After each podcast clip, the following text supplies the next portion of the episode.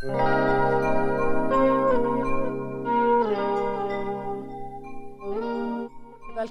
til vår podkast 'Hav, handel og helse' ved NTNU i Ålesund.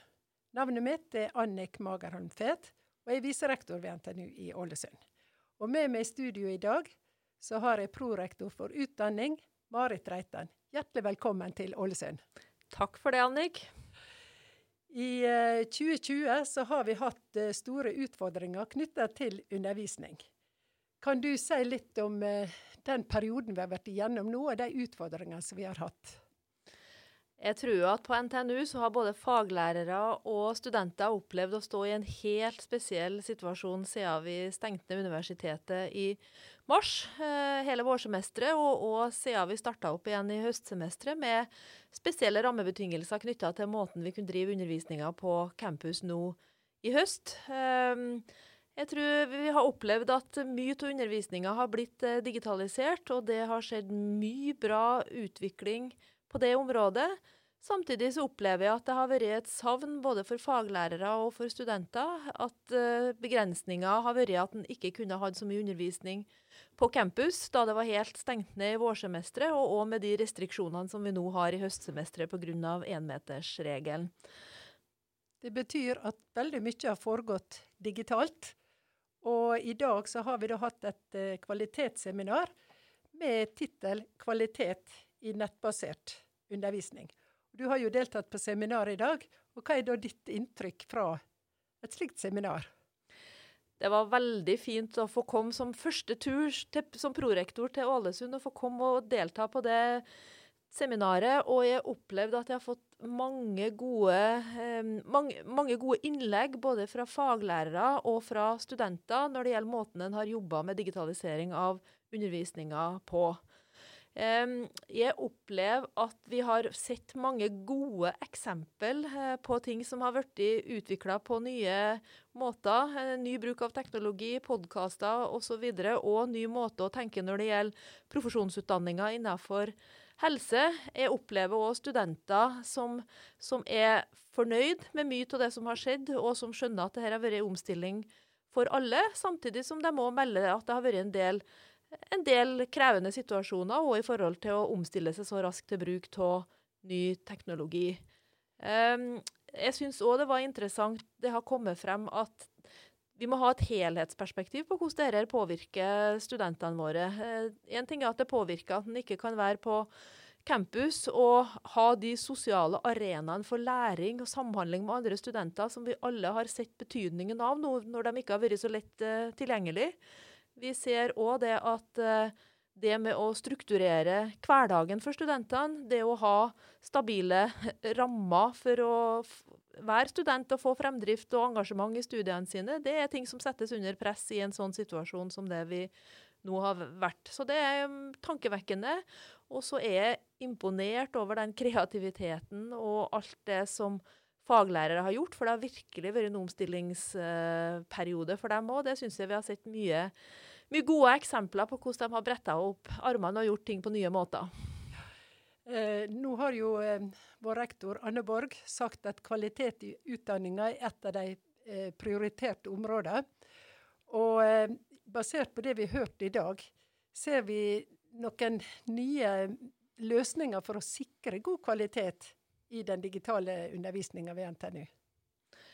Eh, det er mange ting en kan trekke frem her. En av de tingene som jeg, som jeg, har fått ekstra fokus på etter dagen i dag, det er den betydningen av å skape arenaer på tvers der kollegaer kan lære av hverandre hva som er gode praksiser. Eh, jeg merka meg f.eks. at det er mye som er tips til hvordan vi kan gjøre ting, hvordan vi kan gjøre ting på nye måter, er mye generell kunnskap som vi kan bruke på tvers av mange fagområder. Det handler om at vi bruker teknologien på nye, på nye måter når det gjelder måten vi interagerer med studentene i et digitalt rom. At vi, til, at vi legger godt nok til rette for at de skal komme i prosess med hverandre, lære av hverandre. At det ikke blir enveis, og at vi skal fange opp underveis i i en læringssituasjon hvordan de oppfatter ting som, eh, som vi lærer, og, og bruke de feedback-mekanismene og mange forskjellige måter å, å bruke teknologien på nye, på nye måter da, når rammebetingelsene er, ny. Eh, det er én ting som jeg syns har vært viktig å ta med seg i dag. Eh, jeg tror òg at vi hele tida må være i god samhandling og kommunisere med studentene våre, sånn at vi trekker dem nok inn i prosessene våre når det gjelder å vurdere hva som er kvalitet, og hvordan de opplever utdanninga, så vi får god tilbakemelding og feedback fra dem. Eh, jeg merka meg òg at det var en av faglærerne her som sa da at referansegruppene har blitt ekstra viktig nå det her, semesteret her, for hele tida å ha kontakt med studentene og få tilbakemelding. Vi har jo fått uh, litt tilbakemelding fra hvordan studentene opplever dette. Og mange har jo sagt det er ensomhet. De greier ikke å strukturere arbeidsdagen sin skikkelig. og uh, ja, det var jo noen innlegg her om eh, er det, er det læringseffektivt når vi sitter i pysjen f.eks. i senga og følger med på forelesningene. Så eh, det er mange områder som er kommet fram som, der vi ser det fra studentenes side. Så blant uh, de tingene som kom opp i dag, da, så er det ja, Hva er det som er de viktigste innspillene som kom i tillegg i dag fra studentene? Jeg tror det er det at vi må, vi må tenke lenger enn at ting bare handler om teknologi. For det handler om et helhetsperspektiv på læringssituasjonen. Og det handler om hvordan vi skal legge gode rammer for å få prosesser i det digitale rom, sånn at ikke bare, ting ikke bare blir enveis, og at det ikke bare blir å sette strøm på papir, som vi ofte beskriver det som i ulike sammenhenger. Og så så ser vi jo det at uh, Det var jo ett begrep som var nytt for meg som kom opp i dag, og det var begrepet burkaskjerm.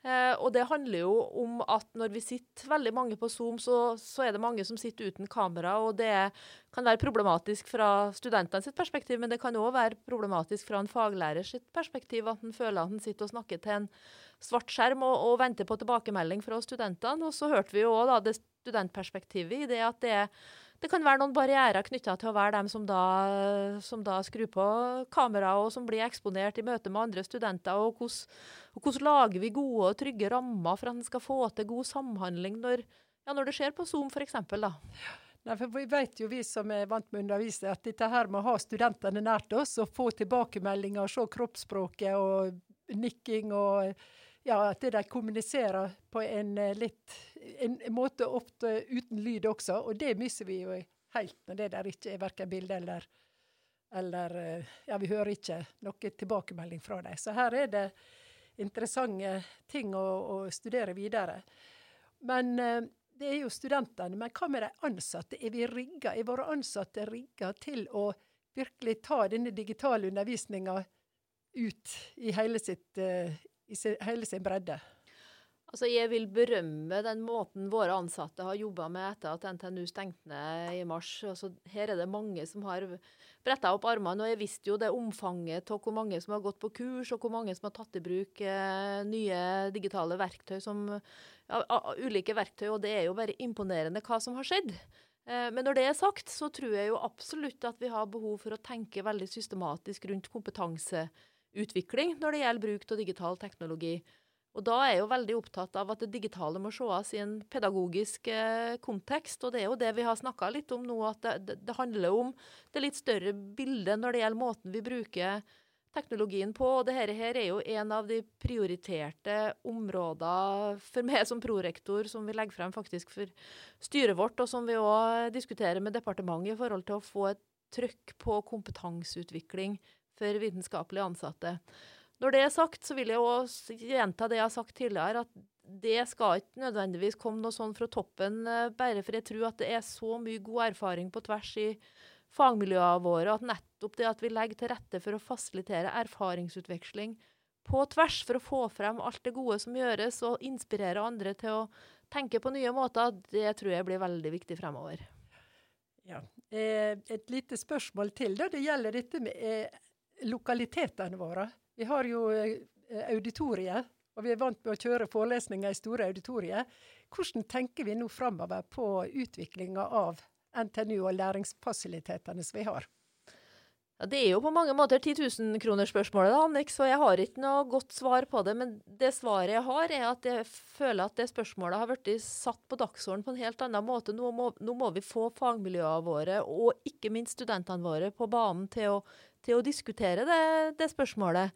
For noen sier jo da at eh, ja, hvis vi først ikke kan ha mange i auditorier, så kan vi like gjerne ting, kjøre ting helt digitalt. Andre sier at ja, men det er viktig med hybride forelesninger, sånn at noen får være i auditoriet sjøl om noen vil uh, delta digitalt. Dette er det ulike synspunkter. Jeg tror nok at vi kommer til å gå i en retning at det blir mindre store, store auditoriebaserte forelesninger fremover. Um, men kombinasjonen mellom bruk av videoer, altså kort, kortere uh, filmsnutter, aktivitet underveis osv., og, så og det vil ha konsekvenser for hva slags areal vi skal utvikle. Jeg tror, men jeg tror på en måte at vi vet ikke nok om hvordan fremtida vil se ut. Så det å utvikle fleksible areal og òg litt sånn fleksibilitet i teknologien for å prøve ut ting. For jeg tror vi, som det ble sagt i dag, vi, vi har en del god kunnskap når det gjelder best uh, practice, men vi mangler òg en del kunnskap om hva som vil være gode både digitale og fysiske fasiliteter i en ny fremtid for universitetscampuser, og det må vi vi må prøve å utvikle ting, og veien blir nok litt til mens vi går fremover òg. Det blir det nok. Vi ønsker jo å ha studentene nært oss. Og i år så har vi jo prioritert å ha førsteårsstudentene i alle fall på campus, slik at vi kan lage et sosialt miljø for dem, og de blir kjent med hverandre. Så, og så er det litt blanda det vi ellers har fått til for de som har gått der litt lenger. Så her er det mange ting å ta fatt i. Og eh, som du sier, vi, er, vi vet ikke hva som skjer, og hvordan det vil se ut, og hvor lenge dette vil vare. Så her er mange utfordringer for de som nå er forholdsvis ny i prorektorrolla for utdanning. Så eh, hva er liksom det avsluttende du vil si når det gjelder nå å tenke kvalitet i utdanninga vår framover? Nei, hvis jeg skal følge opp det du, Det er mange ting, men hvis jeg skal følge opp det du nettopp sa nå, så er det å ha et helhetsperspektiv på studenten. For studenten er ikke bare en student, han er et, eh, et, et, et, menneske som skal ha et godt studieliv. Og det studielivet det er veldig forskjellig nå, sånn som situasjonen er. Og det er totalopplevelsen av hva det vil si å være student, som òg har betydning for om de føler at de har et godt læringsmiljø, om de får kontakt og samhandle med andre studenter, som vi vet er veldig viktig òg i forhold til den faglige kvaliteten. Og det er klart at vi er veldig opptatt av det med frafall for tida. Vi har hatt stort fokus på fadderuka og legger godt til rette for, for førsteårsstudenter. Og vi, og vi gjør så godt vi kan, men vi får òg noen bekymringsmeldinger i forhold til at når det ikke er så mye aktiviteter på campus, så er, vi, så er de avhengig av at de har fått noen kontakter og blitt kjent, og at de, sånn at de klarer å ha et uh, godt uh, miljø de nye studentene våre. Det er jeg veldig opptatt av. Det er vi alle sammen. Tusen takk, Marit. Det var uh, kjekt å ha deg her i studio. Og det som du har snakka om nå, det er noe som vi følger opp i alle campusene. Det er etter NTNU, og vi vil ha samme kvalitet for alle våre studenter. Så tusen takk. Takk for det, Annik. Takk for at jeg fikk komme.